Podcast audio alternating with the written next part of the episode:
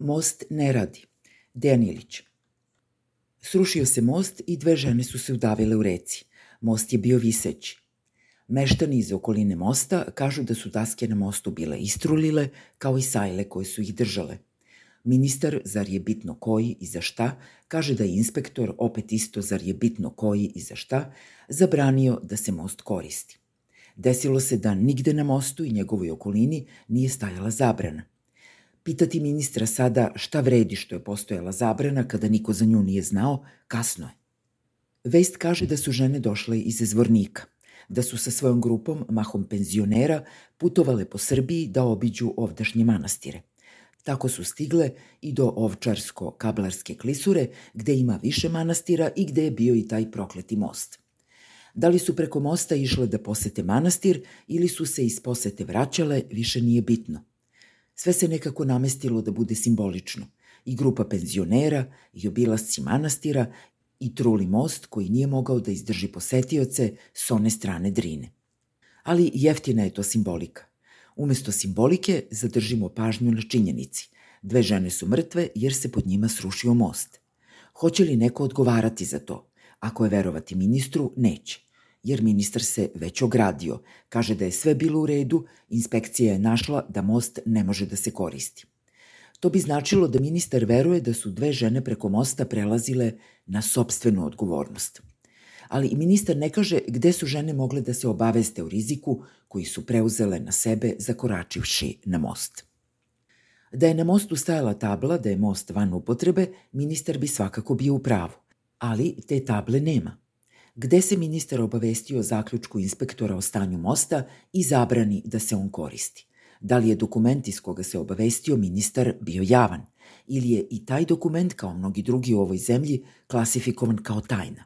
Neka bude da je reč o javnom dokumentu, ponovo pitanje za ministra. Kako neko iz susedne države da zna gde da se obavesti o tome koji su mostovi u upotrebi u Srbiji? Ovčarsko-kablarska klisura s dobrim razlozima privlači turiste. Desi se ponekad da turisti ne govore isti jezik kao i mi. Zamislimo da je grupa posetilaca u obilasku domaćih manastira došla iz neke dalje strane zemlje gde se ne govori naš jezik. Gde bi ti turisti mogli da se obaveste o stanju domaćih mostova? Nema razloga da više zamišljamo. Ako je tačno da je inspektor proverio most i zaključio da se preko njega ne sme prelaziti, ko je trebalo da postavi prokletu tablu o zabrani? I zašto uopšte insistirati na tabli? Jednostavno je most trebalo srušiti, kad je već i onako bio sklon padu.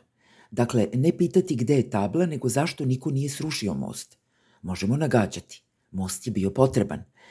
Ako bi se preko mosta išlo jedan po jedan, rizik bi bio manji. Koliko košta da se napravi ili obnovi viseći most? Ima li Srbija novaca za jedan viseći most? Kada inspekcija utvrdi da most treba da se stavi van upotrebe, da li to znači da je to zauvek ili postoji obaveza da se most popravi? Dve žene su se udavile. Putovale su sa svojom grupom. Turisti u obilasku Srbije. Tako smo sticajem okolnosti dobili i snimak kako most pada u reku, a s mostom i ljudi. Neka mi čitalac oprosti što sam se zagledao u taj snimak. Gledam most i ljude kako padaju i vidim nas.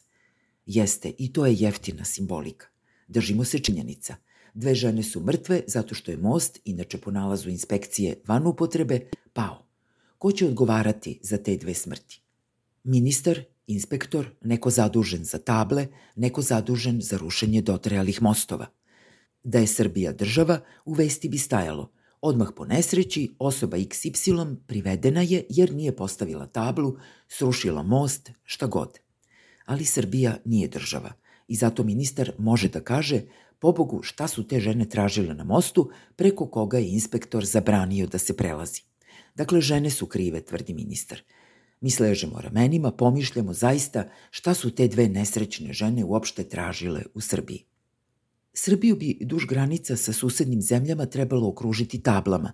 Ulazite na vlastitu odgovornost. Jednom kada pređete granicu, više niko ne garantuje za vašu bezbednost.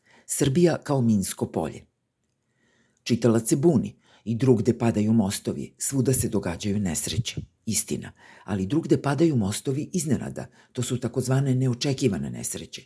Za ovaj truli viseći most se znalo da će pasti i nikoga nije bilo briga što će neko tako izgubiti život.